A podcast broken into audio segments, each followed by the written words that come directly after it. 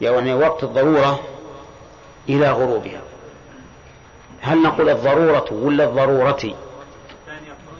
ها؟ وما يلي المضافة يأتي خلف عنه في الإعراب إذا ما حذف.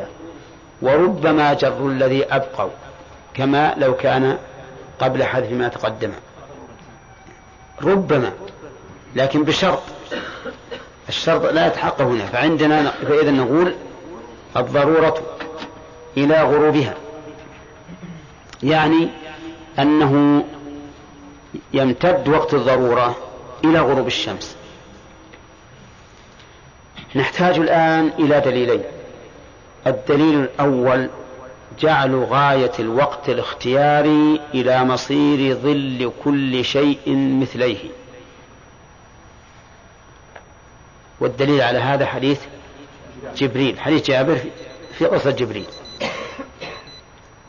ولكن القول الراجح في هذه المسألة حديث عبد الله بن عمرو بن العاص أن الرسول عليه الصلاة والسلام قال وقت العصر ما لم تصفر الشمس.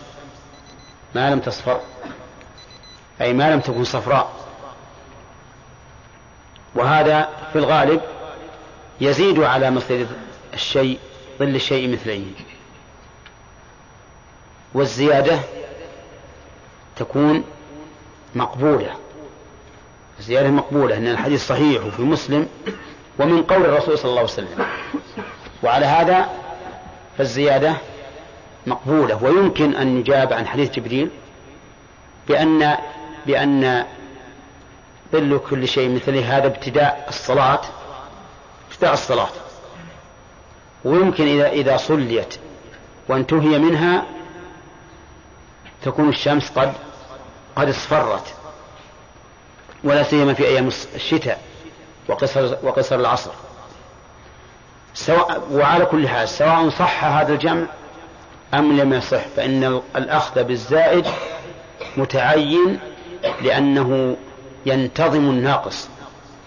فالأخذ بالزائد أخذ بالزائد والناقص لكن الأخذ بالناقص إلغاء للزائد. فعليه نقول وقت الظهر وقت العصر إلى اصفرار الشمس. طيب الدليل على أن الضرورة إلى غروبها قول النبي صلى الله عليه وسلم من أدرك ركعة من الصلاة من صلاة العصر قبل أن تغرب الشمس فقد أدرك العصر. من أدرك ركعة من صلاة العصر قبل أن تغرب الشمس فقد أدرك العصر. وهذا نص صريح في أن الوقت يمتد إلى الغروب. طيب إذا قال قائل لماذا لم تأخذ بهذا الحديث؟ لأنه زائد على حديث عبد الله بن عمرو. ما دمنا أخذنا بهذا بهذا الأصل. أن الزيادة يؤخذ بها لأنها تنتظم النقص ولا عكس. لماذا لم نأخذ؟ لأن الرسول صلى الله عليه وسلم حدد قال ما لم تصفر الشمس. ويمكن الجمع بين الحديثين بأن يقال ما لم تصفر الشمس. هذا وقت الاختيار وإلى الغروب وقت الضرورة. وش معنى وقت الضرورة؟ يعني مثل لو أن أحد انشغل بشغل لا, لا, لا بد منه. ولنفرض أنه أصيب بجرح فاشتغل بأن يلبد هذا الجرح ويضمد هذا الجرح إلى ويستطيع يصلي الآن لكن في مشقة إلى قبيل الغروب. نقول هذا الرجل إذا صلى في هذه الحال قبيل الغروب فقد صلى في الوقت. ويأثم ولا لا؟ لا يأثم. لا يأثم لأن هذا وقت ضرورة. إذا اضطر الإنسان فلا حرج. وكذلك لو كان عنده ضيوف ما يستطيع مفارقتهم. خوفا منهم خوفا منهم أو خوفا نعم خوفا منهم. يشمل ما, ما أريد أن أقوله. ضيوف جاءوا مسافرين قد صلوا العصر جمعا ونزلوا عنده ولا يتمكن من مفارقتهم. خوفا منهم لكونهم لصوصا مثلا. ها؟ غصب عليه. ابتلي بهم. يخشى يذهب ها؟ يشنوا كل شيء. أو خوفا منهم لأنهم في أنفسهم عظماء. ما يستطيع أن يخرجوا موجودين. يخشى أيضا منهم. لكونهم ذا ولاية عليه أو ما أشبه ذلك. فهنا نقول الضرورة تبيح له أن يتأخر إلى إلى ما قبل غروب الشمس لكن بعد الغروب لا يجوز. إنما هذه مشكلة اللصوص. نقول هم يغلق عليهم ولا يصلي عندهم إذا أمكن. إيه نعم.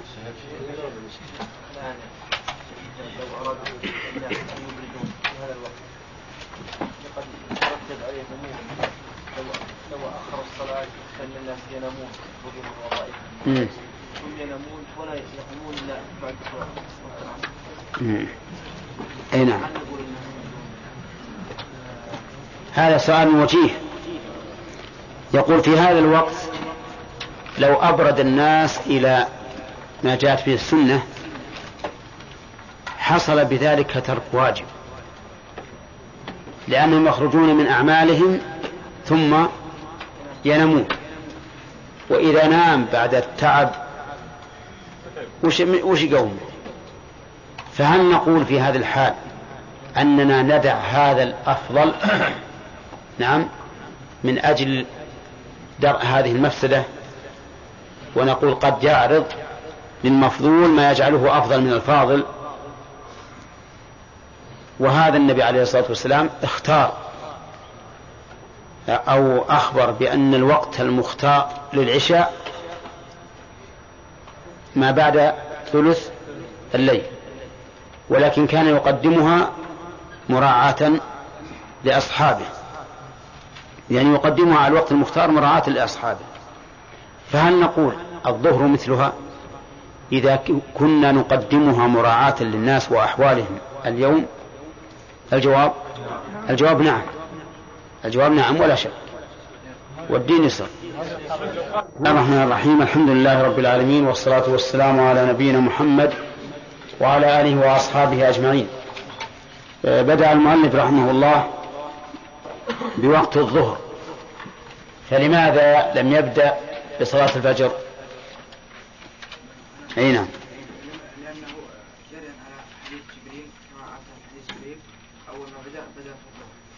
نعم. تبعا لحديث جبريل حيث بدأ بصلاة الظهر. طيب. متى يدخل وقت الظهر؟ يدخل وقت الظهر بعد إذا زالت؟ طيب. ما علامة الزوال؟ لا مو أن يرى. ما علامة الزوال؟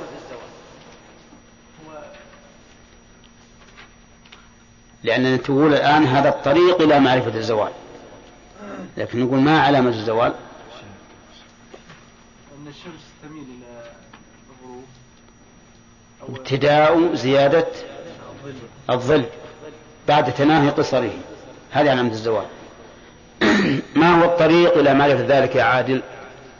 يوضع الشاخص. نعم. ثم ينظر إلى أن يبدأ ظل الشاخص بالتناقص. نعم ثم يوضع علامة فإذا بدأ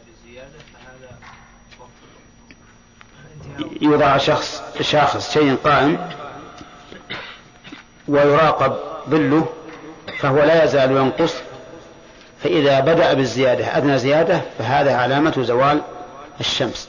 وبذلك يدخل وقت الظهر. الطريقة الثانية بالساعات. نعم ما هي؟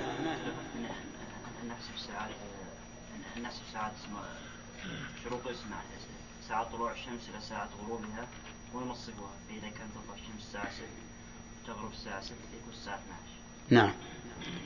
العلامة الثانية بالساعات أننا نقسم ما بين طلوع الشمس وغروبها نصفين.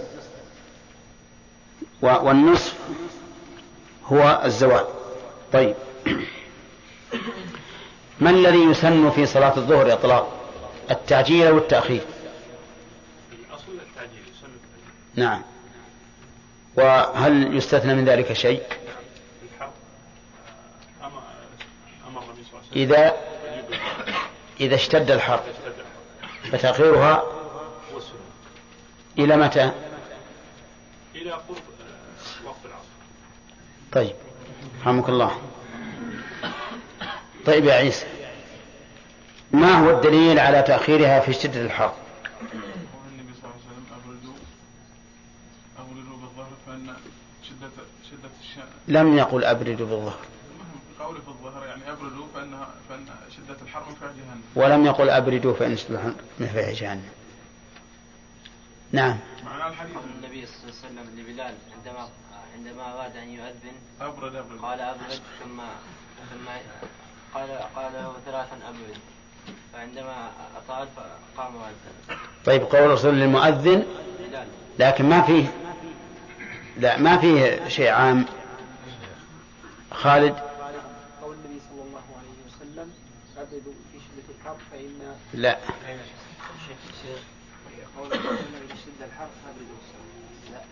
قول النبي صلى الله عليه وسلم إذا اشتد الحر فأبرد بالصلاة فإن شدة الحر من فهي جهنم. صح. أما حديث السفر لما أراد المؤذن أن يؤذن فأمر الرسول أن يبرد ثلاث مرات فهو يدل على منتهى الإبراد. يعني إلى متى نبرد؟ يقول لما لما ساوى التل ظلة أذن. يعني إلى قرب صلاة العصر. أي نعم. طيب. هل هناك وقت آه، حال أخرى يسن فيها تأخير صلاة الظهر؟ نعم. على قول المؤلف أي نعم. كان فيها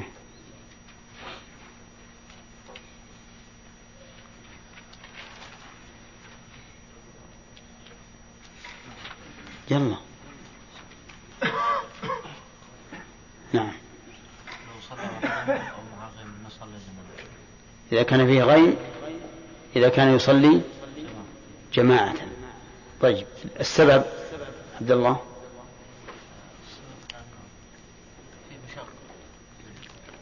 سهولة الخروج على الناس لأن الغيم مظنة المطر فإذا أمطرت شق على الناس أن يخرجوا مرتين مرة للظهر ومرة للعصر. فكان الأفضل أن يؤخر. رحمك الله. طيب يا شاكر هل لديك معارضة على هذا الكلام من الذي ذكره المؤلف في الغيم؟ في آه. يحتمل أن يأتي غيوم وهذا كثير أن تأتي غيوم ولا تعقبها أمطار. فهذا لا يدي آه للتأخير الصلاة. لأن احتمال ورود المطر واحتمال عدم وروده إيه طيب. عبد الله مخالفة للسنة نعم. الله تعالى في شيء قال عز وجل فاستبقوا الخيرات. والنبي عليه الصلاة والسلام فعلا دائما لم يرد عنه إلا في شدة الحر تأخير الصلاة. طيب. في ذلك إذا نقول هذا القول ليس بصحيح. قول مرجوح. أولا لأنه مخالف للسنة في تعجيل الصلاة بلا دليل. والثاني أنه قد يوجد الغيم ولا يحصل المطر ولا الأذى. و... نعم. إيه. ربما هذه نقول أيضا. أنه إذا خرجوا مرتين يكون فيه زيادة أجر في في الخطى. طيب بعد بعد أن ينتهي وقت العصر الظهر ها ماذا يكون؟ ليس بينهما مدة؟ ليس بينهما مدة؟ فاصل يعني. ليس بينهما فاصل ولا وقت مشترك.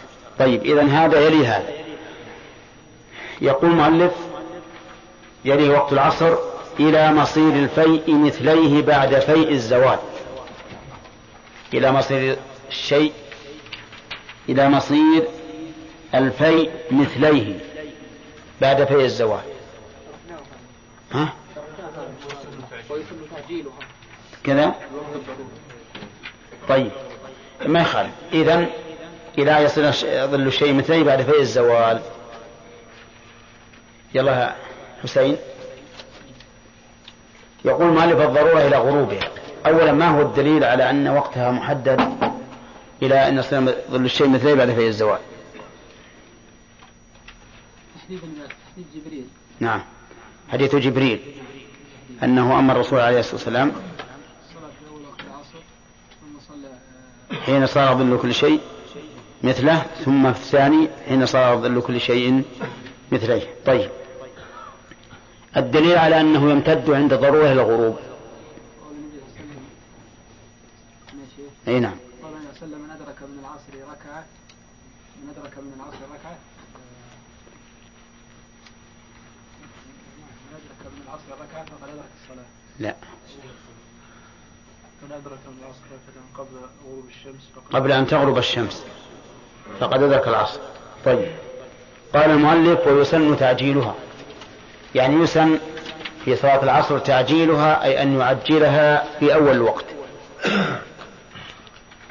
وذلك لعموم الأدلة الدالة على أن أول وقت أفضل كما في قوله تعالى فاستبقوا الخيرات ولأنه ثبت عن النبي عليه الصلاة والسلام من حديث أبي برزة الأسلمي أنه كان صلى الله عليه وسلم يصلي العصر والشمس نقية مرتفعة. حتى إنهم يذهبون إلى رحالهم في أقصى المدينة والشمس حية. وهذا دليل على مبادرته بها. فإذا الدليل على أن تعجيلها أفضل عموم الأدلة الدالة على المبادرة بفعل الخير وعلى أن الصلاة على وقتها أفضل من أفضل الأعمال. ودليل آخر خاص بأن الرسول عليه الصلاة والسلام كان يصلي العصر فيذهب الذاهب من الصحابة إلى أقصى المدينة في رحله والشمس حية يعني أنها لم تتغير. طيب مر علينا أن الصحيح أن الصحيح أن وقتها المختار إلى اصفرارها اصفرار الشمس فعليه يكون للعصر وقتان وقت اختيار ووقت ضرورة. فوقت الاختيار إلى مصير ظل إلى مصير ظل كل شيء مثليه على المشهور من المذهب أو إلى اصفرار الشمس على القول الراجح. والضرورة إلى إلى الغروب. لكن ضربنا مثلا فيما سبق للضرورة مثل إيش؟ ها؟ كالخوف. وضيوف لا يستطيع مفارقتهم. وجرح يحتاج إلى إلى أن يعالجه وما أشبه ذلك. قال ويليه وقت المغرب إلى مغيب الحمرة. يليه وقت المغرب يعني يلي وقت العصر بدون فاصل وبدون اشتراك. بينهما في الوقت وقت المغرب من مغيب الشمس إلى مغيب الحمرة. فبمجرد ما يغيب قرص الشمس في الأفق يدخل وقت صلاة المغرب. إلى مغيب الحمرة يعني الحمرة في السماء. إذا غابت الحمرة لا البياض فإنه يخرج وقت المغرب ويدخل وقت العشاء. طيب. كم مقداره في الساعة؟ مقداره في الساعة يختلف باختلاف الفصول. يختلف باختلاف الفصول. فتارة يطول وتارة يقصر. لكنه يعرف بالمشاهدة. متى رأيت الحمرة قد زالت من الأفق؟ فهذا دليل على أن وقت المغرب قد انقضى. وهو يتراوح ما بين ساعة وربع بعد بعد الغروب إلى ساعة ونصف وثلاث دقائق تقريبا بعد الغروب. يعني باختلاف باختلاف الفصول. طيب. يقول المؤلف ويسن تعجيلها. يسن تعجيل صلاة المغرب. لأن النبي صلى الله عليه وسلم كان يصليها إذا وجبت يعني إذا وجبت الشمس وغربت. فيبادر بها. ولكن المبادرة ليس معناه أنه من حين أن يؤذن يقيم لأنه صلى الله عليه وسلم قال صلوا قبل المغرب قالها ثلاثا. ثم قال في الثالثة لمن شاء وكان الصحابة رضي الله عنهم إذا أذن المغرب يقومون فيصلون وكان النبي صلى الله عليه وسلم يراهم ولا ينهاهم. وهذا يدل على أنه ليس معنى التعجيل أن يبادر الإنسان من حين الأذان ولكن لا يتأخر بمقدار الوضوء والراتبة وما أشبه ذلك. ثم قال إلا ليلة جمع لمن قصدها محرما. إلا ليلة جمع جمع مزدلفة اسم مزدلفة وسميت جمعا لاجتماع الناس فيها. لأن الناس يجتمعون فيها في ليلة العيد. يجتمع فيها الناس من قريش وغيرهم. عرفة لا يجتمع فيها الناس لأن قريشا في الجاهلية كانوا لا يقفون بعرفة يقفون في مزدلفة. لكن ليلة العيد يجتمع الحجاج فيها ولهذا سميت ليلة جمع. يعني إلا ليلة مزدلفة لمن قصدها أي قصد جمعا. فالضمير هنا يعود على جمع وليس على الصلاة. أي لمن قصد جمعا محرما. نعم. ولو قال المؤلف رحمه الله إلا ليلة مزدلفة للحاج لكان أوضح وأخصر لكن كثير من الفقهاء ولا سيما أصحاب المذاهب المقلدة كثير منهم يتناقل يتناقلون العبارة من أول من عبر بها إلى آخر من تكلم بها. يتناقلونها لا سيما وأن هذا الكتاب مختصر من من المقنع للموفق. فتجده تبع في العبارة من سبقه. وإلا فلا شك أن مؤدى هذه العبارة أن يقال إلا ليلة مزدلفة لمن للحاج. ويكون أوضح وأبين. على كل حال المؤلف رحمه الله استثنى في صلاة المغرب استثنى واحدة مسألة واحدة وهي الحاج إذا دفع من عرفة فإنه لا يمكنه أن يصلي في عرفة ولا في الطريق على وجه الاستحباب. إذا فيصلي في مزدلفة ودليل ذلك أن النبي صلى الله عليه وسلم يرحمك الله لما نزل فبات فبال في الشعب قال له أسامة بن زيد وكان رديفا له الصلاة يا رسول الله أو الصلاة يا رسول الله قال الصلاة أمامك فلم يصلي. إذا يؤخرها إلى إلى مزدلفة. واستثنى فقهاؤنا رحمهم الله في الكتب المطولة استثنى قالوا إن لم يوافها وقت الغروب. يعني إن لم يصل إليها إلى مزدلفة وقت الغروب. شوف يعني من ذاك الزمن فيه إمكان أن يصل الإنسان إليها وقت الغروب. يعني وقت المغرب. قالوا فإن وافاها في ذلك الوقت صلاها في وقتها وبادر بها. على كل حال يستثنى من هذه المسألة يستثنى ليلة المزدلفة للحاج فلا يسن له أن يعجل بل لا يصلي حتى يصل إلى مزدلفة. واضح؟ ودليل ذلك ما أشرنا إليه آنفا. حديث أسامة بن زيد رضي الله عنه.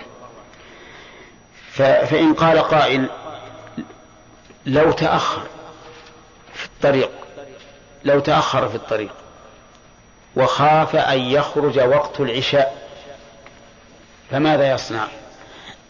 هل يؤخر الصلاة إلى أن يصل إلى مزدلفة وإن لم يصل إلا الفجر؟ أو يصلي الصلاة في وقتها ولو على راحلته؟ الجواب الثاني. الثاني هو الجواب. يعني إذا خاف خروج الوقت وجب عليه أن ينزل فيصلي فإن لم يمكنه النزول صلى ولو على ظهر راحلته. نعم طيب. ثم قال ويليه وقت العشاء إلى الفجر الثاني وهو البياض المعترض وتأخيرها إلى ثلث الليل أفضل إن سهل. يليه يعني يلي وقت المغرب وقت العشاء إلى طلوع الفجر على كلام المؤلف. إلى طلوع الفجر الثاني وهو البياض المعترض. وعلى هذا تكون صلاة العشاء أطول الصلوات وقتا. لأنها تكاد تكون جميع الليل. من خروج وقت المغرب إلى طلوع الفجر. الفجر الثاني أيضا. الفجر الثاني قال وهو البياض المعترض. معترض في الأفق. من الشمال إلى الجنوب. وأفادنا المؤلف رحمه الله بقوله إلى طلوع الفجر الثاني أن هناك فجرا أول وهو كذلك. الفجر الأول يخرج قبل الثاني بنحو ساعة أو ساعة إلا ربع أو قريبا من ذلك. وذكر العلماء أن بينه وبين الثاني ثلاثة فروق. ثلاثة فروق. الفرق الأول أن الفجر الأول ممتد لا معترض. يعني ممتد طولا من الشرق إلى الغرب. والثاني معترض من الشمال إلى الجنوب. الفرق الثاني أن الفجر الأول يظلم. يظلم. يعني يكون هذا النور لمدة قصيرة ثم يظلم. والفجر, والفجر الثاني لا يظلم بل يزداد نورا وإضاءة. الفرق الثالث أن الفجر الثاني متصل بالأفق.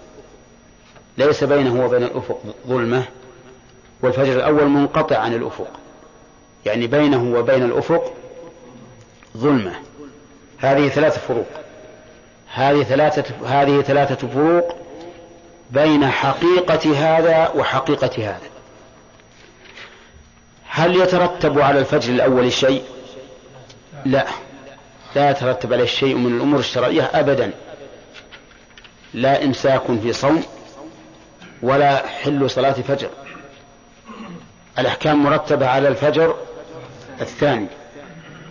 طيب إذا إلى الفجر الثاني وهو البياض المعترض. ما هو الدليل؟ أما الدليل على دخول وقتها فهو حديث عبد الله بن عبد العاص وحديث جبريل كلها تدل على أن وقت العشاء يدخل بمغيب الشفق الأحمر. أما انتهاؤه إلى الفجر الثاني فليس فيه دليل ليس فيه دليل إلا دليلا لا لا دلالة فيه هو أن النبي صلى الله عليه وسلم يقول ليس في النوم تفريط. إنما التفريط على من أخر صلاة حتى يدخل وقت الصلاة الأخرى. قالوا فهذا دليل على أن أوقات الصلاة متصلة. فهل في هذا الحديث من دليل؟ ها؟ ليس فيه دليل. لأن قوة التفريط أن يؤخر الصلاة حتى يدخل وقت الصلاة الأخرى يعني فيما وقتهما متصل. فيما وقتهما متصل. ولهذا لا يدخل فيه صلاة الفجر مع صلاة الظهر بالإجماع. فإن صلاة الفجر لا تمتد إلى صلاة الظهر بالإجماع. وإذا كان كذلك فالواجب الرجوع إلى الأدلة. إذا لم يكن في هذا دليل فالواجب الرجوع إلى الأدلة الأخرى. الأدلة الأخرى ليس فيه دليل يدل على أن وقت العشاء يمتد إلى طلوع الفجر. أبدا. حديث عبد الله بن عبد العاص وحديث جبريل كلها تدل على أن وقت, وقت الفجر ينتهي عند منتصف الليل. العشاء قص العشاء أن وقت العشاء ينتهي عند منتصف الليل. وهذا الذي دلت عليه السنة هو الذي دل عليه ظاهر القرآن أيضا. لأن الله عز وجل قال في القرآن يا فهد إيش قال؟ أقم الصلاة لدلوك الشمس إلى غسق الليل وقرآن الفجر. فتجد لدلوك الشمس يعني من دلوك الشمس. لكن أتى باللام للدلالة على أن دخول الوقت علة في الوجوب أي سبب. والدليل أن اللام هنا بمعنى من لكن عبر باللام من أجل بيان العلة. الدليل الغاية إلى إلى والغاية يكون لها ابتداء ولا لا؟ لها ابتداء. كأنما قال من دلوك الشمس إلى غسق الليل لكن أتى باللام كما قلت إشارة إلى أن دخول الوقت علة الوجوب. ولهذا قال الفقهاء رحمهم الله إن الوقت سبب وشرط. سبب لوجوب الصلاة وشرط لصحتها. طيب يدلوك الشمس إلى غسق الليل. متى يكون غسق الليل؟ عند منتصفه لأن أشد ما يكون الليل ظلمة نعم في النصف. حينما تكون الشمس منتصفة في الأفق من الجانب الآخر من الأرض. هذا غسق الليل. إذا من نصف النهار الذي هو زوالها إلى نصف الليل. هذا جعله الله وقتا واحدا. لأن أوقات الفرائض فيه متواصلة أو متصل بعضها ببعض. متصل بعضها ببعض. أليس كذلك؟ الظهر يليه العصر يليه المغرب يليه العشاء. إذا ما بعد الغاية داخل ولا خارج؟ ها؟ ما بعد الغاية خارج. ما بعد الغاية خارج. ولهذا فصل فقال وقرآن الفجر. وقرآن الفجر. ففصل وجعل الفجر مستقلا. فدل هذا على أن الصلوات الخمس أربع منها متتابعة وواحدة منفصلة. وهذا هو الذي تؤيده السنة أيضا. بل السنة صريحة فيه. فالصواب إذن أن وقت العشاء إلى نصف الليل. ولكن ما المراد بنصف الليل؟ هل هو من هل الليل من من غروب الشمس إلى طلوعها؟ أو من غروب الشمس إلى طلوع الفجر. أما اللغة العربية فكلاهما يسمى ليل. ولهذا تجد في القاموس يقول من إلى طلوع الفجر أو طلوع الشمس الليل. أما في الشرع فالظاهر أن الليل ينتهي بطلوع الفجر. ينتهي بطلوع الفجر. وعلى هذا نقول نصف الليل في صلاة العشاء من مغيب الشمس آه، يعني الليل الذي الذي ينصف من أجل معرفة صلاة العشاء هو من غروب الشمس إلى طلوع الفجر. فتنصف ما بينهما وما بينهما هو هو آخر الوقت. طيب. هذا هو القول الراجح الذي لا تدل الأدلة إلا عليه وأن ما بعد منتصف الليل ليس وقتا لصلاة مفروضة إنما هو وقت نافلة وتهجد. قال وتأخيرها إلى ثلث الليل أفضل. إن سهل آه، آه، أرجو الانتباه. الآن ليس عندنا دليل على أن وقت العشاء يمتد إلى طلوع الفجر. حينئذ يكون قول المؤلف مرجوحا. تأخيرها إلى ثلثي إلى ثلث الليل أفضل. إن سهل فإن شق فتعجل في أول وقت. أما إذا سهل فالأفضل تأخيرها إلى ثلث الليل. دليل ذلك حديث جابر رضي الله عنه قال كان النبي صلى الله عليه وسلم يستحب أن نؤخر من العشاء. أو حديث أبي جحيفة يستحب أن يؤخر من العشاء. وفي حديث جابر إذا رآهم اجتمعوا عجل وإذا رآهم أبطأوا أخر. وثبت عنه صلى الله عليه وسلم أنه تأخر ذات ليلة حتى ذهب عامة الليل. فقام إليه عمر فقال يا رسول الله رقد النساء والصبيان. فخرج ورأسه يقطر عليه الصلاة والسلام وقال إنه لوقتها لولا أن أشق على أمتي. فهذا دليل هذه أدلة واضحة على أن الرسول صلى الله عليه وسلم على أن تأخيرها إلى ثلث الليل أفضل. ولكن إن سهل طيب إذا كان الإنسان يصلي للناس في البلد فهل التقديم أفضل أو التأخير؟ نقول الأفضل مراعاة الناس. الأفضل مراعاة الناس. إذا اجتمعوا صلى وإن أخروا تأخر. طيب إذا كانوا جماعة محصورين ولا يهمهم أن أن يعجلوا أو يؤخروا. فما الأفضل؟ التأخير. إذا النساء في بيوتهن الآن في مثل عصرنا هذا الأفضل لهن التأخير. الأفضل لهن التأخير. يعني لو قالت امرأة إنها ستبقى مستيقظة إلى نصف الليل فهل الأفضل أن أن تصلي العشاء مبكرة أو مؤخرة؟ نقول الأفضل أن تؤخر. الأفضل أن تؤخر. أما الرجال فسيصلون جماعة.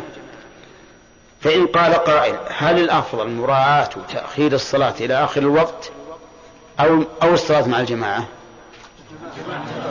نعم نقول الجماعة. بل ولا لا مفاضلة في الواقع. لأن صلاة الجماعة واجبة وهذا مستحب. ولا مفاضلة أو لا مقارنة بين مستحب وواجب.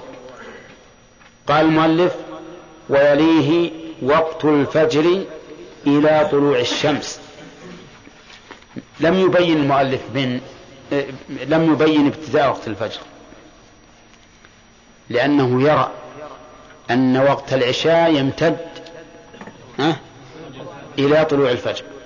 ولهذا قال ويليه وقت الفجر فيكون من طلوع الفجر. والعجيب أن المؤلف رحمه الله ظاهر كلامه أن تأخير صلاة العشاء إلى ما بعد نصف الليل جائز. لأنه لم يقل إنه وقت ضرورة. والمعروف عند أهل العلم أنه أن ما بين نصف الليل إلى الفجر وقت ضرورة ليس وقت جواز. طيب أما وقت الفجر فهو من طلوع الفجر الثاني إلى طلوع الشمس. طيب كم مقداره في الساعات؟ يختلف. يختلف فقد يكون ساعة ونصف قد يكون ساعة وربع كالفجر كالعشاء أي كالمغرب هنا كالمغرب. يقول شيخ الإسلام رحمه الله من ظن أن حصة الفجر كحصة المغرب فقد أخطأ وغلط. يعني بعض الناس يجعل ساعة ونصف بين طلوع الفجر وطلوع الشمس وساعة ونصف بين مغيب الشمس ومغيب الشفق. ويقول هذا خطأ ليس بصحيح. لأن لأن مقدار ما بين طلوع الفجر وطلوع الشمس في أيام الشتاء يطول. لتصاعد الأبخرة إلى فوق فينعكس عليها ضوء الشمس مبكرا فتطول حصة الفجر. وعكس ذلك آه، في الصيف وعكس ذلك أيضا حصة المغرب. يعني إذا طالت حصة الفجر قصرت حصة المغرب والعكس بالعكس. على كل حال هذه ظواهر أفقية يمكن يطلع على علم أكثر مما قال شيخ الإسلام ابن تيمية رحمه الله.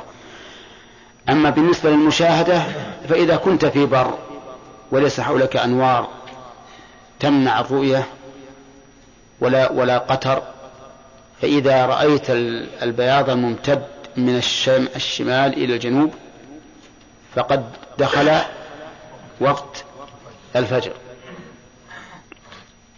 فصل الفجر. أما قبل أن يتبين فلا تصلي. لا تصلي الفجر. قال إلى طلوع الشمس. ودليل ذلك حديث عبد الله بن عمرو بن العاص الذي أخرجه مسلم. وغيره أيضا. وبعد طلوع الفجر إلى زوال الشمس ليس وقتا لصلاة فريضة. كما من طلوع الشمس إلى زوال الشمس ليس وقت لصلاة فريضة.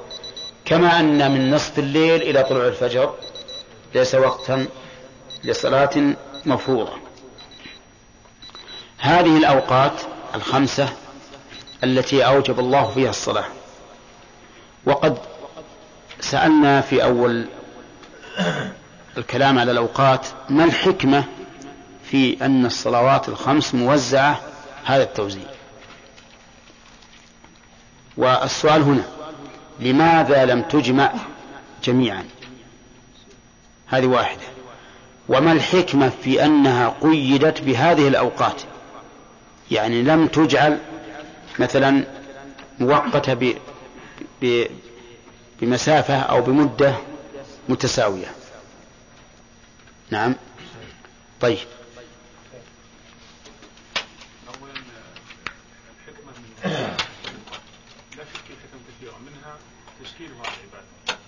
نعم من يشرك تشكيل العمل توزيع اي عمل اذا كان كبيرا يجعل العامل له انشط عندما ياتي اليه. طيب هذا واحد. نعم. عبد الله.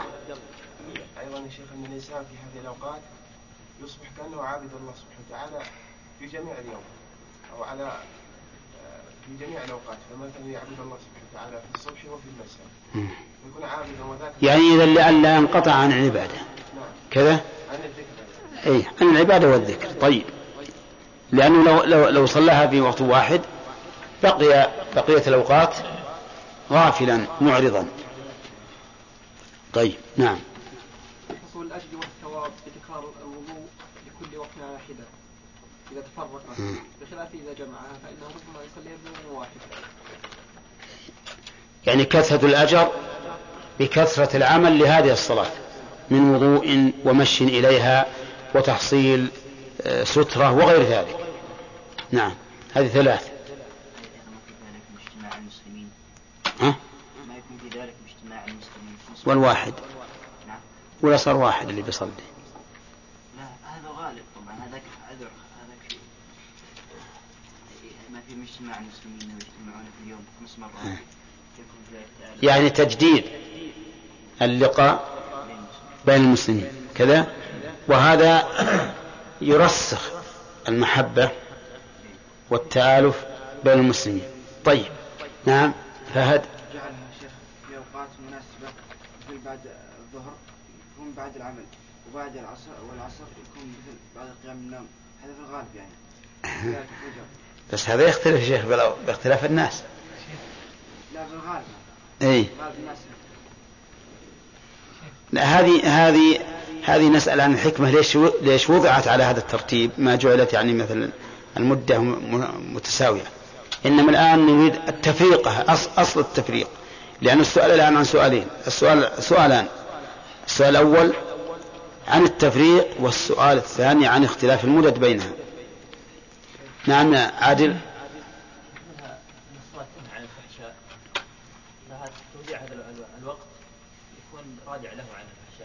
وأيضا تكفير السيئات الصغائر يعني تجديد.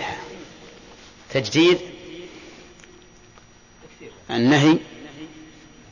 عن الفحشاء والمنكر. التكفير قد يعترض معترض ويقول ما دام سيصلي ها يكفر. ها؟ إيه هو يقول ما بين الصلوات حتى حتى لو جمعت مثلا لو جمعت بعد طلوع الشمس ثم جاء اليوم الثاني حصل التكفير. نعم. لا اللي أخذ مرة يكفي. نعم جعلها يا شيخ في هذا الوقت تكون يعني في أوقات معينة لابتلاء الله سبحانه وتعالى يبتلي به المؤمنين. ولذلك قول الرسول صلى الله عليه وسلم أثقل الصلاة على المنافقين صلاة الفجر والعشاء. إيه لا هذه هذه تعيينة في أوقات معينة لكن الآن يعني عندنا أربع فوائد في تفريقها. ها. نعم. يقول يا شيخ استمرار يعني استمرار صلة العبد بربه عز وجل. إذ لو جعل الله سبحانه وتعالى صلاة يعني أو الصلوات في وقت واحد يعني ربما ينشغل الإنسان مثلا في أو يشغل نفسه في شيء يعني لم ينفع به نفسه. فلما فرق الله سبحانه وتعالى الصلوات على هذا الترتيب يعني الغالب أن الإنسان يشغل وقته يعني في صلته بربه عز وجل. وتكون تقوية للمحبة أيضا بين العبد وبين ربه. ما هي ب... مرة مرة شيء قريب منها. يعني مرة ما يغني عنها. نعم يا محمد. هذه رحمة بالعباد إذا الإنسان يعني كانت بوقت واحد وفاتته فات كل الفضل كله. أما يعني كونه متفرقة يعني قد تفوت صلاته ويلحق صلاته إيه صحيح هذه؟ طيب. نعم. اصبر خمس. ها؟ الخامسة يقول من الفوائد أن الرحمة بالعباد. لأنه لو جعلت في وقت واحد ثم فات هذا الوقت فات الإنسان خير الصلوات الخمس كلها. فإذا وزعت فلو قدر أنه واحدة بقيت الأخريات لم تفت. إي نعم. ها؟ طيب الثاني ما تقول؟ تقول يقول غانم عندنا أسئلة. خلوا بعد ربما أنتم تخمرون آراء ثانية. نعم.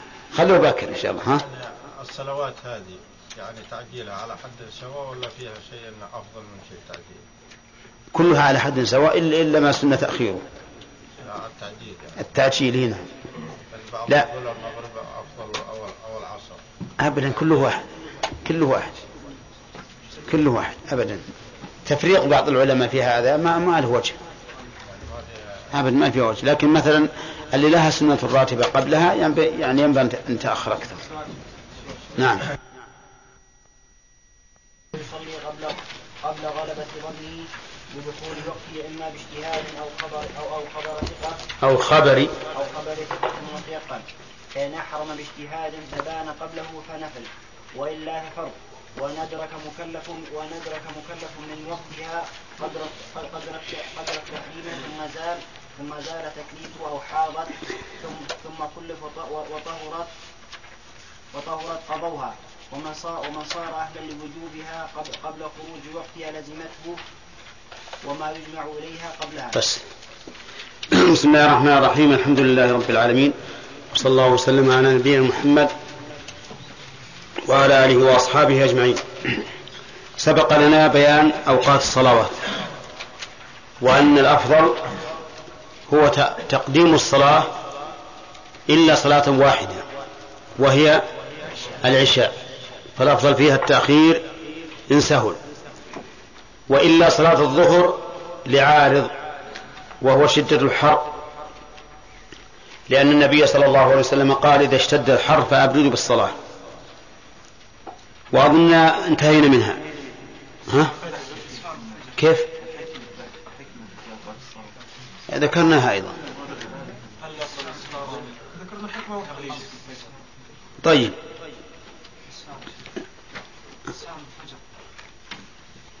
كيف؟ لا الفجر مثل غيرها الأفضل فيها التقديم. الأفضل فيها التقديم. طيب إحنا ذكرنا أن الحكمة في ذلك أولا في تفريقها وأما الحكمة في كونها وضعت في هذه الأوقات فأما الفجر فذكرنا أن ظهور الفجر بعد الظلام الدامس هذا من آيات الله عز وجل التي يستحق عليها التعظيم والشكر.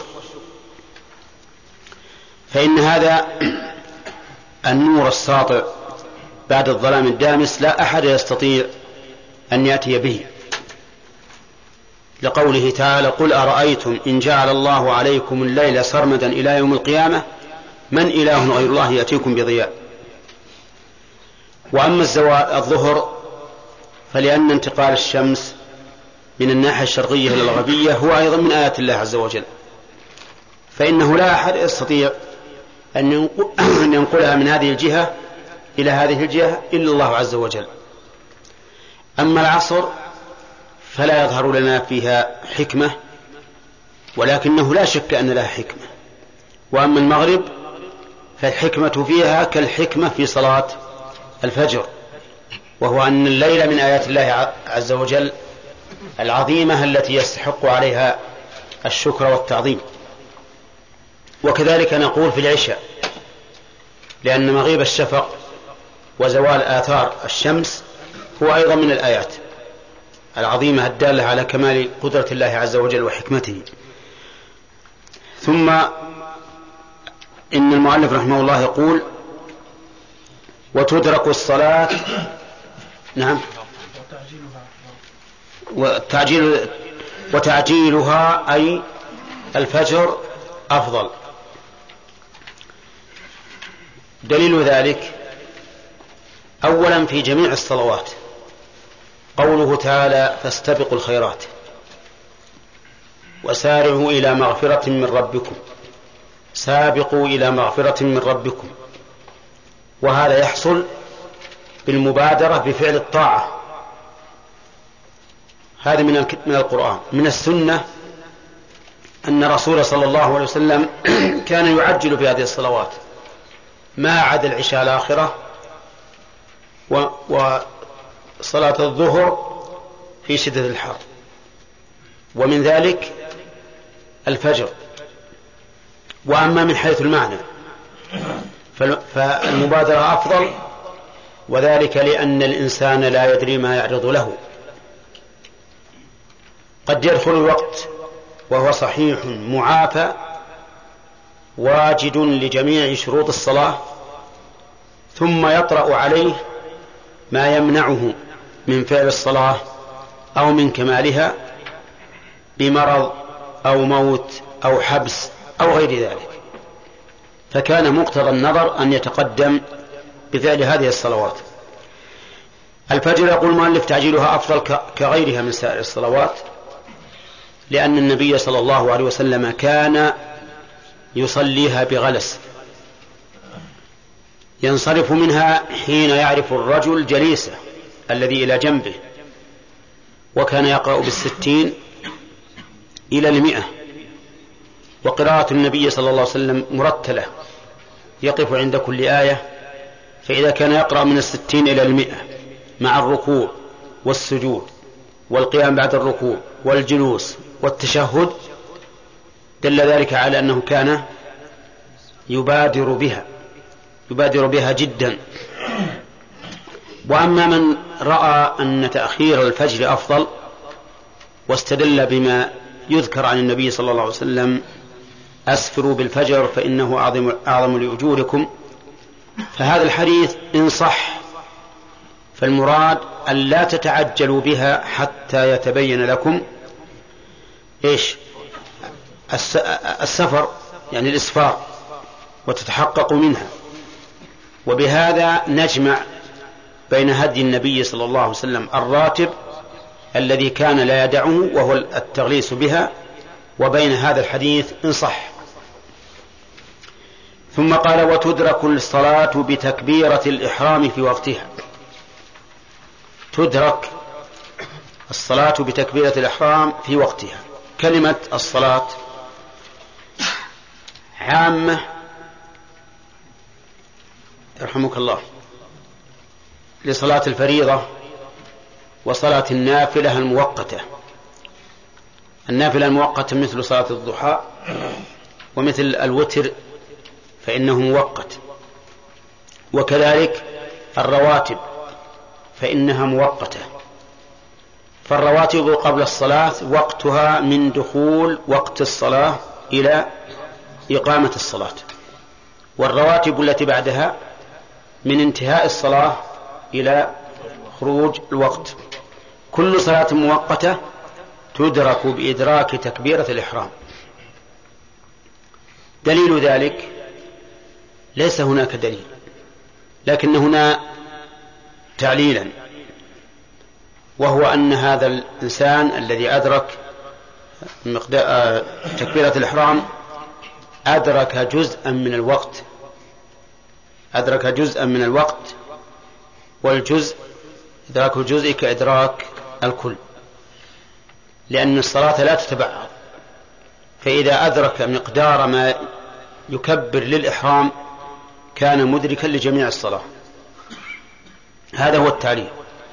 وهذا هو الذي ذهب إليه المؤلف رحمه الله وهو المشهور من مذهب الإمام أحمد على أن الصلاة تدرك بتكبيرة الإحرام سواء من أول الوقت أو من آخر الوقت. من أول الوقت لو أن امرأة أدركت مقدار تكبيرة الإحرام من صلاة المغرب مثلا. ثم أتاها الحيض. فهنا نقول هي هي قد أدركت الصلاة. فيجب عليها إذا طهرت أن تصلي المغرب. لأنها أدركت مقدار تكبيرة الإحرام من الوقت. من آخره كما لو كانت امرأة حائضا ثم طهرت قبل خروج الوقت بقدر تكبيرة الإحرام فإن الصلاة تلزمها لأنها أدركت من الوقت مقدار تكبيرة الإحرام. هذا من جهة الحكم. من جهة الثواب يثاب من أدرك قدر تكبيرة الإحرام ثواب من أدرك جميع الصلاة. ثواب من أدرك جميع الصلاة وتكون الصلاة في حقه أداء. لكنه لا يجوز كما سبق لنا في كتاب الصلاة لا يجوز أن يؤخر الصلاة أو بعضها أو بعضها عن وقتها. يعني مثلا لو قال أنا سأؤخر الصلاة حتى لا يبقى إلا مقدار تكبيرة الإحرام نقول هذا حرام وأنت آثم. ولكن مع ذلك نقول إنك قد أدركتها أداء. هذا ما ذهب إليه المؤلف وهو المذهب والقول الثاني أنها لا تدرك الصلاة إلا بإدراك ركعة. لا تدرك إلا بإدراك ركعة. لقول النبي صلى الله عليه وسلم من أدرك ركعة من الصلاة فقد أدرك الصلاة. وهذا القول هو الصحيح واختيار الشيخ الإسلام ابن تيمية لأن الحديث فيه ظاهر. فهو جملة شرطية. من أدرك ركعة فقد أدرك. مفهومه من أدرك ركعة دون ركعة فإنه لم يدرك. وعلى هذا فلو حاضت المرأة بعد دخول الوقت بأقل من مقدار ركعة لم لم يلزمها القضاء لأنها لم تدرك ركعة. وكذلك لو طهرت قبل خروج الوقت بأقل من ركعة فإنه لا يلزمها قضاء الصلاة لأنها لم تدرك ركعة. والنبي عليه الصلاة والسلام يقول من أدرك ركعة من الصلاة فقد أدرك الصلاة. وينبني على هذا أيضا إدراكات أخرى ربما تأتينا إن شاء الله فيما بعد مثل إدراك الجماعة. هل تدرك جماعة بركعة أو تدرك بتكبيرة الإحرام؟ الصحيح أنها لا تدرك إلا بركعة كما أن الجمعة لا تدرك إلا بركعة بالاتفاق فكذلك الجماعة لا تدرك إلا بركعة. وقول المؤلف بتكبيرة الإحرام في وقتها يشمل وقت الضرورة ووقت الاختيار وليس عندنا صلاة لها وقتان إلا صلاة واحدة وهي العصر. فلو أدرك تكبيرة الإحرام قبل غروب الشمس فقد أدرك صلاة العصر. والصواب أنه لا يدركها إلا بإدراك ركعة. والحديث نص في ذلك حيث قال النبي عليه الصلاة والسلام من أدرك ركعة من العصر قبل أن تغرب الشمس فقد أدرك العصر.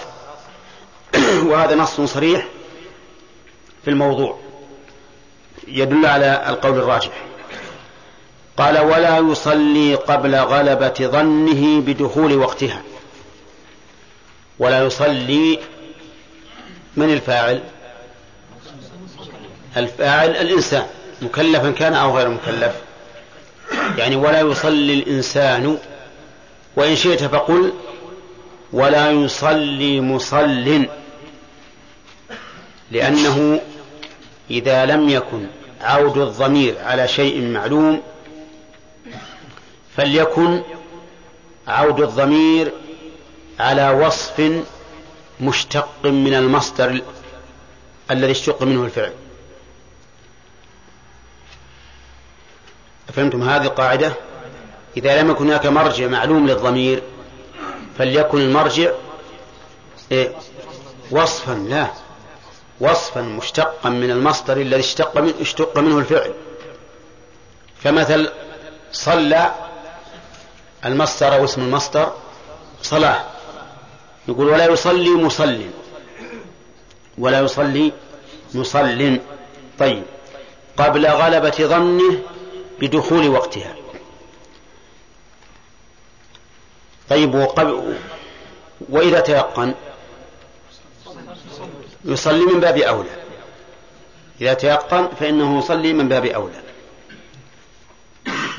أفادنا المؤلف في قول قبل غلبة الظن أنه يجوز أن نصلي الصلاة بغلبة الظن. أي أننا إذا غلب على على ظننا أن الوقت دخل جاز أن نصلي. وحينئذ يجوز أن نصلي إذا تيقنا دخول الوقت. ويجوز أن نصلي إذا غلب على ظننا دخول الوقت. فإذا كانت الشمس الجو صاحي وشاهدنا الشمس قد غربت نصلي المغرب. وهنا تيقنا دخول الوقت أو لا؟ ها؟ تيقناه إذا كانت إذا كانت السماء مغيمة ولم نشاهد الشمس لكن غلب على ظننا أنها غابت. نصلي. وهذه صلاة بغلبة بغلبة الظن. طيب. أما الأول فدليله ظاهر. وأما الثاني وهو الصلاة بناء على غلبة الظن فلأن النبي صلى الله عليه وسلم أفطر هو وأصحابه بغلبة الظن. كما في حديث أسماء بنت أبي بكر رضي الله عنهما قالت أفطرنا على عهد النبي صلى الله عليه وسلم في يوم غيم ثم طلعت الشمس. أخرجه البخاري. وهنا أفطروا بماذا؟ بغلبة الظن قطعا لا باليقين. فإذا, جاء فإذا جاز العمل بغلبة الظن في خروج الوقت وهو, وهو هنا وقت الصوم. جاز العمل بغلبة الظن في دخول الوقت. بل إن لازم ذلك أنهم لو صلوا المغرب حين أفطروا صحت الصلاة. نعم صحت الصلاة. إذا لم يتبين الأمر خلاف ذلك. طيب هل يصلي مع الشك في دخول الوقت؟ لا يصلي لا يصلي مع الشك. وذلك لأن الأصل عدم الدخول. فلا نعدل عن هذا الأصل إلا بموجب إلا بمسوغ شرعي. هل نصلي مع غلبة الظن بعدم دخول الوقت؟ لا نصلي من باب أولى. نعم. هل نصلي مع اليقين بعدم دخول الوقت؟ لا يجوز. إذا لا نصلي في ثلاث صور. ونصلي في صورتين. الصور خمس. تيقن دخول الوقت وغلبة الظن بدخوله والشك في دخوله وغلبة الظن بعدم دخوله واليقين بعدم دخوله. الصور خمس. نصلي في صور في صورتين ولا نصلي في ثلاث. والتعليل ظاهر. طيب. قال المؤلف ولا يصلي قبل غلبة ظنه واستفدنا من كلام المؤلف أن غلبة الظن لها مدخل في باب العبادات وهو كذلك. فإن غلبة الظن لها مدخل في في العبادات في مواضع كثيرة. وإن كان بعض العبادات لا يمكن أن يفعل إلا باليقين لكن في كثير من العبادات مبنية على غلبة الظن بل إن هذا هو القاعدة. القاعدة في العبادات البناء على غلبة الظن. هذه القاعدة. ولهذا لو شك الإنسان كم صلى وعنده ترجيح فالصحيح أنه يعمل بما ترجح. وإن كان المذهب يقولون لا يعمل إلا باليقين. إذا شك في عدد أشواط الطواف أو أشواط السعي فإنه يبني على غالب ظنه على غالب ظنه كما إذا كان عنده ترجيح. أما إذا لم يكن عنده ترجيح فيبني على, على اليقين. قال إما باجتهاد أو خبر ثقة متيقن. هنا ذكر المؤلف طرق الطرق أو ذكر الطرق التي يحصل بها غلبة الظن. الطريق الأول الاجتهاد. لكن بشرط أن يكون المجتهد عنده أداة الاجتهاد. يعني أن يكون عالما يكون عالما. فإن لم يكن عالما فإنه لا يعمل باجتهاده لأنه ليس من أهل الاجتهاد. فلو أن شخصا صلى الظهر وقال أصلي العصر إذا انتصف ما بين الظهر والمغرب. لما انتصف ما بين الظهر والمغرب صلى. نعم. هل هل هذا ال... الذي صلى بنى صلاته على اجتهاد صحيح؟ لا. إذا لا بد أن يكون عنده علم بالاجتهاد. طيب كذلك في صلاة العشاء. لو أنه اجتهد ولما رأى أن النور الساطع القوي قد اختفى صلى العشاء مع وجود الحمرة نقول هذا لا تصح صلاته. ليش؟ لأنه صلى قبل الوقت ولأنه ليس أهل الاجتهاد حيث إنه لا يعلم متى يخرج وقت المغرب ويدخل وقت وقت العشاء. هذا الاجتهاد الثاني أو خبر ثقة متيقن. وهذا الطريق من عند غيره. يعني رجل أخبرك بأن بأن الوقت دخل ولكنه أخبرك عن يقين بأن قال رأيت الشمس غربت. أو قال رأيت الفجر قد طلع. فإن, فإن أخبرك عن اجتهاد أو عن غلبة ظن فإنك لا تعمل بقوله. انتبه. لأن المؤلف يقول خبر ثقة متيقن. متيقن لا مجتهد. ولا بان ولا بان على غلبة ظنه. بل لا بد أن يكون متيقنا. فإن قال قائل أليس يجوز الإنسان أن يبني على اجتهاد نفسه وغلبة ظن نفسه؟ قلنا بلى لكن هنا بنى على غيره. والفرع أضعف من الأصل لأنه إذا اجتهد لنفسه فهو أصيل. إذا بنى على خبر غيره فهو فرع. والفرع أضعف من الأصل. ولهذا لا يبني على شيء مبني على اجتهاد أو مبني على غلبة ظن. فلو قال لك قائل صل المغرب. قلت له أغربت الشمس؟ قال والله أظنها أظنها غربت. هل تعمل بقوله؟ لا تعمل. على كلام المؤلف لا تعمل. طيب ولو أنك أنت نفسك غلب على ظنك أن الشمس غربت؟ تعمل بذلك. وقول المؤلف ثقة. من الثقة؟ الثقة هو الذي يوثق بقوله لكونه مكلفا. لكونه مكلفا. ولكونه يمكن أن نعم. ولكونه صادقا يعني يمكن أن يكون صادقا. يعني بالغا عاقلا صدوقا. لم يعرف بالكذب أو بالعجلة والتسرع. ولكن هذا القول الذي ذهب إليه المؤلف بأنه لا بد أن يكون متيقنا فيه نظر.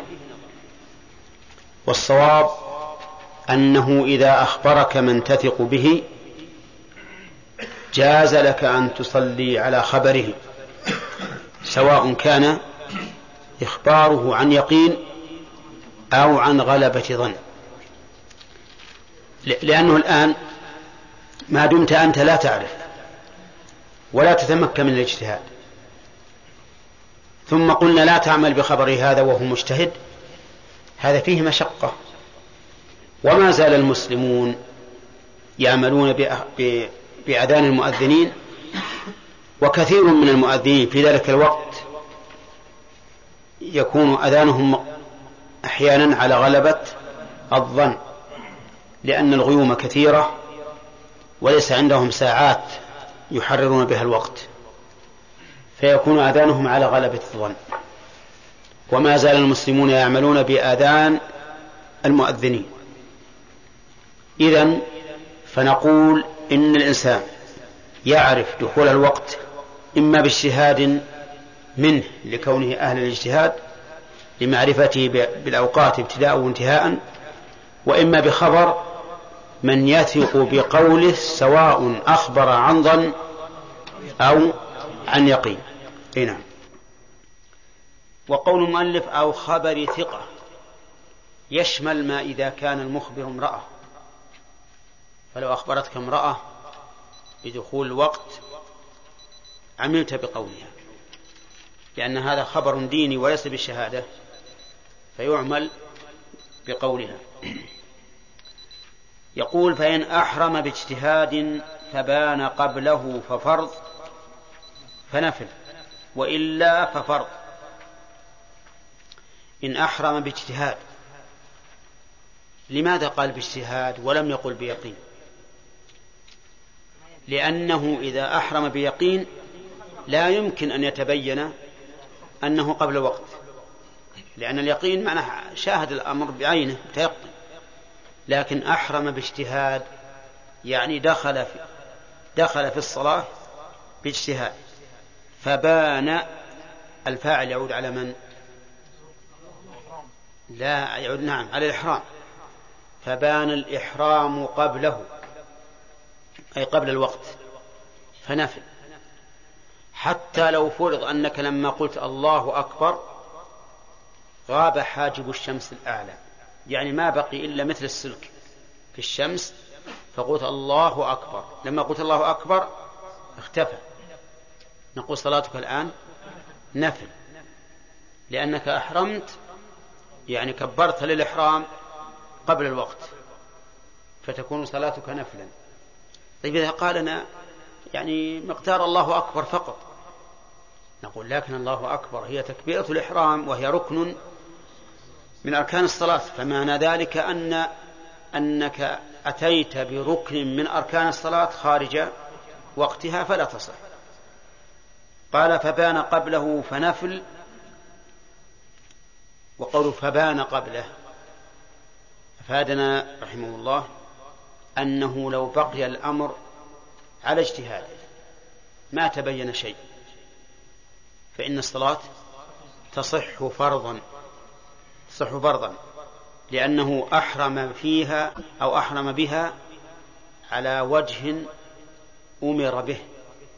ومن أتى بالعبادة على وجه أمر به ولم يتبين فسادها فهي صحيحة حتى وإن كانت في نفس الأمر غير صحيحة.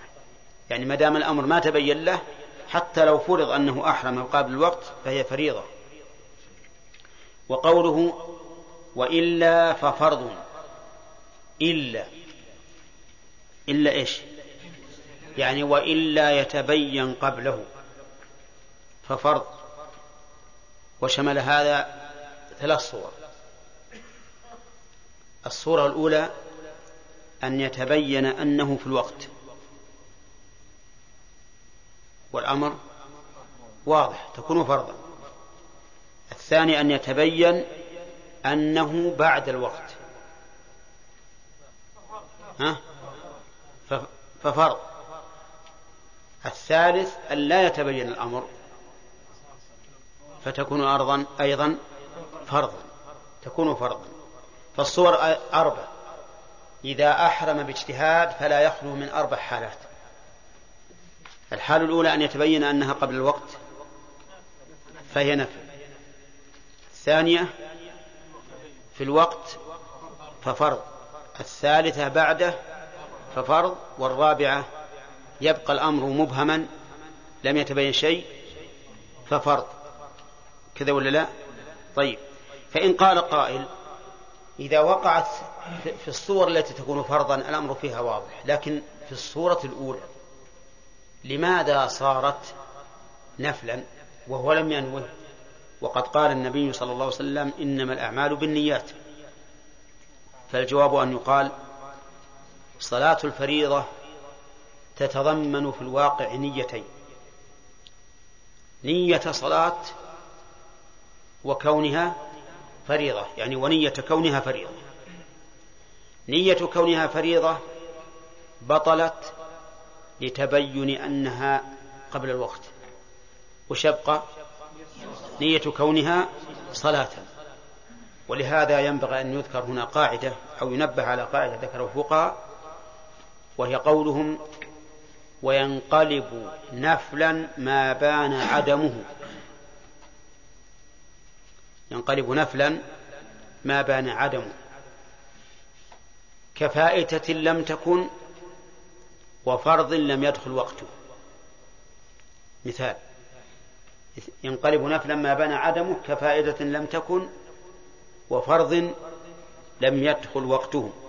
واحد إنسان ظن أنه صلى بغير وضوء فأعاد الصلاة. ثم تذكر أنه قد صلى بوضوء. هذه فائتة لم تكن. تكون هذه الصلاة نافلة. فرض صلاه ظنا منه أن الوقت دخل فلم يدخل يكون أيضا نافلة. فالقاعدة ما هي؟ وينقلب نفلا ما بان عدمه.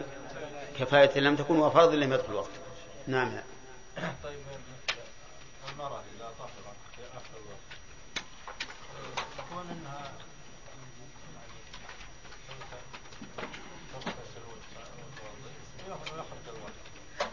اي نعم. هذا ما يضر. يقول العبرة بإدراك الوقت بقطع النظر عن الأعمال التي تكون قبل الصلاة. يعني مثلا لو طهر لو طهرت على كلام الفقهاء قبل الوقت دقيقتين. دقيقتين ما يمدى ولا توضأ. تلزمه الصلاة. يأخر؟ عن وقتها حتى بقي خمس دقائق وراح يوضي وفات الوقت. ما يجوز. قلنا إنه إنه يأثم ولكن اي أقول ما يجوز لكن تكون الصلاة اداء. لكنه لا يجوز. نعم. نعم. ما تصح. وفيها قول إنها تصح. ولهذا قال قال الفقهاء الأعمى لو لو أنه تحرى صلى وجبت عليه الإعادة مطلقا ولو أصاب لأنه ليس أهلا للتحري. وهذا قبل أن تخرج الساعات هذا نعم. لكن في قول ثاني أنه إذا أصاب الوقت صحت. وهذا هو الصحيح. إنه إذا أصاب الوقت صح. نعم.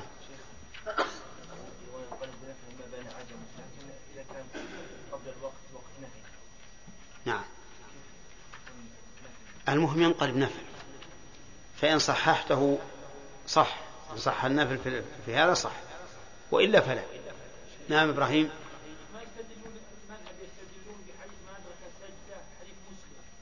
إي لكن فسرت. قال والسجد والسجدة هي الركعة. ما يصح لا ولا ولا استدل لهذا لأن السجدة أقول السجدة أطول من تكبيرة الإحرام.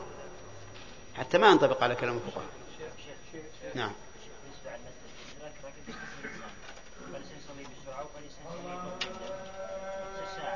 اي صحيح.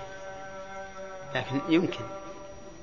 يمكن إن شاء الله. بيجينا بحثه موجود في كتاب المؤلف.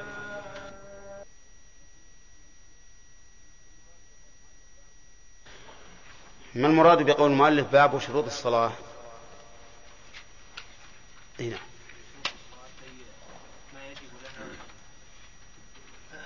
ما يجب لها قبلها يدخل فيه الأذان.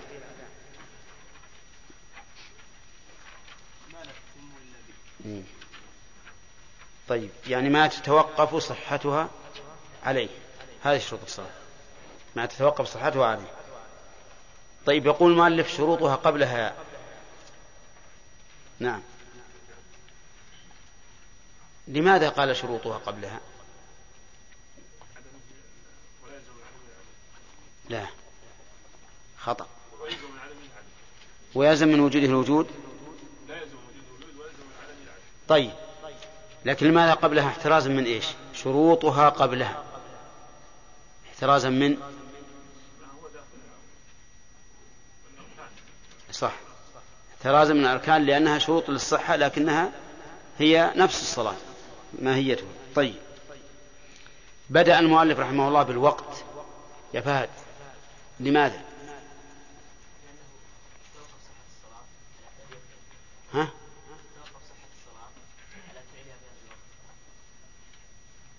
طيب حتى اللي غيره توقف صحته على فعله. حتى الوضوء مثلا. إيه. يعني لأنه شرط وسبب؟ طيب فيه شيء غير هذا؟ عبد الله؟ لا لا لا لا. هذا غير نعم. لا. هذا كما قال فهد لأنه سبب الوجوب وشرط للصحة. نعم.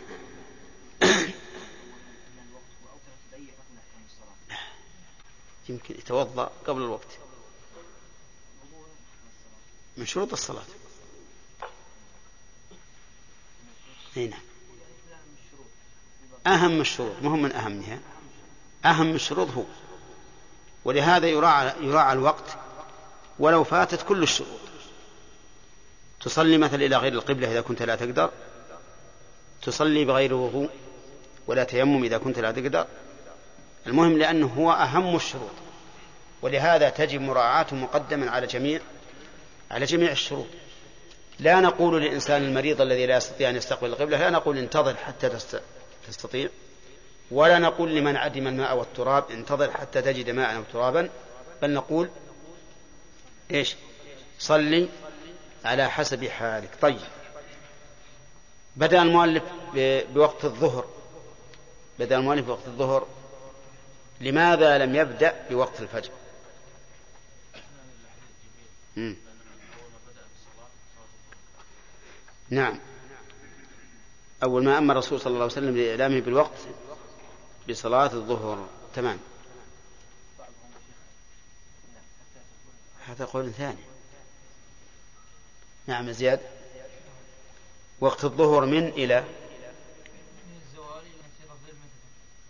إلى مساواة الظل مثله. طيب. ما فيها قيد آخر؟ بعد فيء الزوال. طيب. ما هي علامة الزوال؟ حسن. أنت حسن أظن؟ ها؟ فهد؟ يلا يا فهد. ما علامة الزوال؟ في واحد قال له حسن ما هو موجود؟ إيه. نعم. طيب. يلا. ما علامة الزوال؟ يلا يا فهد. هذا هو الزوال. إيه؟ يعني ابتداء زيادة الظل بعد تناهي قصره. كذا؟ طيب. يقول مؤلف يا بندر بعد فيء الزوال. ما هذا القيد؟ ما محترزه يعني. الظل الذي زالت عليه الشمس لا يحسب. كذا؟ يحسب من ابتداء زيادة الظل إلى أن ينتهي بطول الشيء. طيب أفهمتم؟ له علامة في الزمن بالساعات. غانم. النصف ما بين غروب الشمس ما بين طلوع الشمس إلى غروب. نعم نصف ما بين طلوع الشمس وغروبها. العصر. فهد. طيب في قول آخر؟ لا إلا الوقت الأول.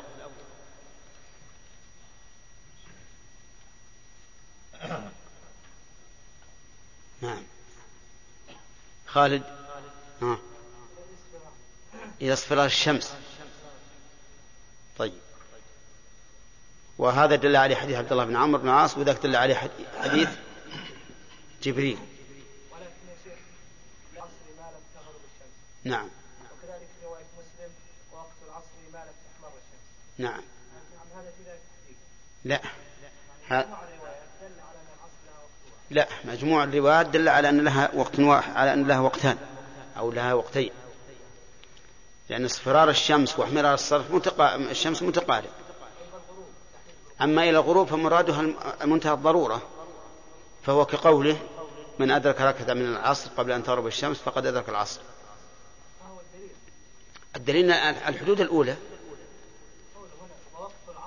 إيه؟ طيب وما لم تصفر وش نسوي فيها؟ لكن ما يكون زائد. كيف؟ كما جمعنا في حديث جبريل نعم. نعم. لا إحنا نقول نعم. إي نعم.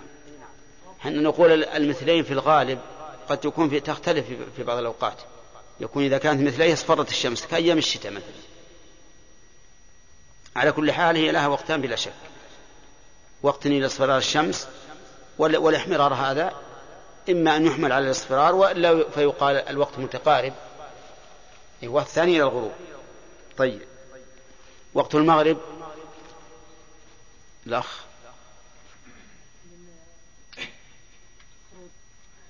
ومتى يأخر وقت العصر؟ إذا من غروب الشمس. إذا من غروب الشمس. من غروب الشمس إلى مغيب الشفق الأحمر ولا الأبيض؟ طيب.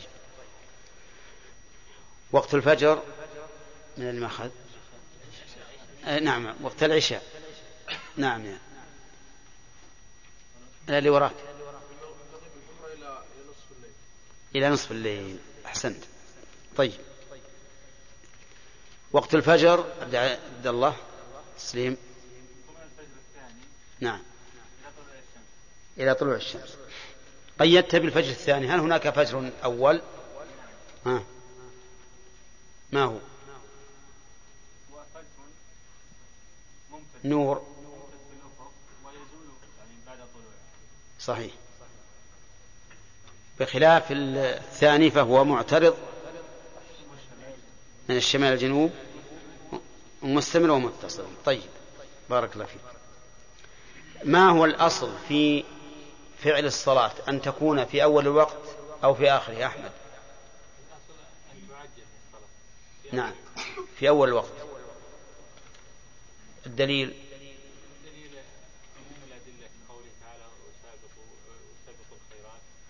سبقوا الخيرات وسارعوا إلى مغفرة من ربكم.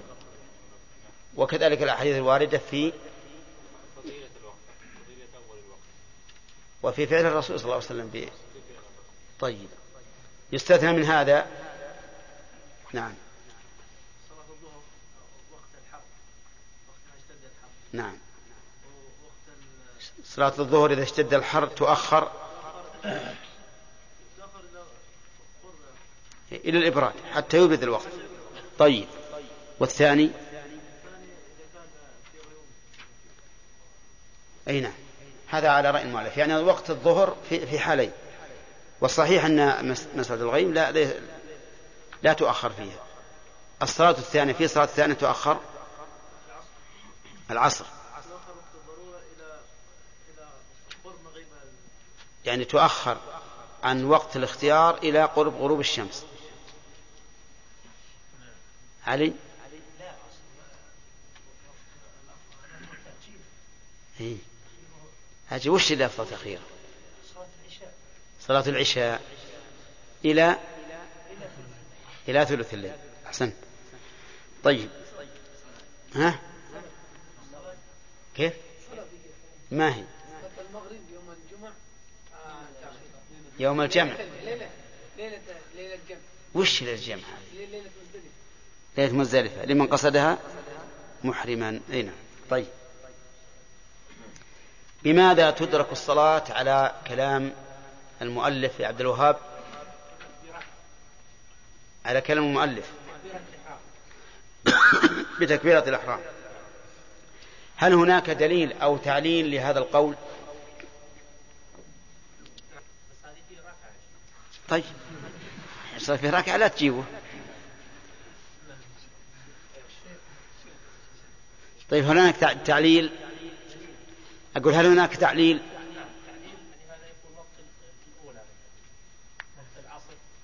ما هو بظاهر يا شيخ؟ نعم. نعم. فإدراك جزء منها يكون إدراكا للكل. إذن هو تعليل. فيه رأي آخر عبد الرحمن بن إبراهيم. ما دليله؟ أكثر من الصلاة؟ فقد أدرك الصلاة. من العصر نعم. إذن فمنطوق المفهوم فمنطوق الحديث أن إدراك بركعة ومفهومه أن أقل من ركعة لا تدرك به. طيب. إذا أحرم باجتهاد فله أربع حالات. نعم. أنت إذا أحرم باجتهاد في دخول الوقت فلا يخلو من أربع حالات. غلب على ظنه وصلى فلا يخلو من أربع حالات. أول حالة ظن هذا صلى. وت... فله أربع حالات. بالمنان الحالة الأولى يصلي في وقت الصلاة أن يصلي هو الآن مجتهد. كيف نقول أن يصلي وهو مجتهد؟ أن يتبين أنه صلى في الوقت. طيب فما الحكم؟ ما الحكم؟ تصح الصلاة. هذا واحد. الثاني؟ قبل وقت الصلاة نعم. ما حكمه؟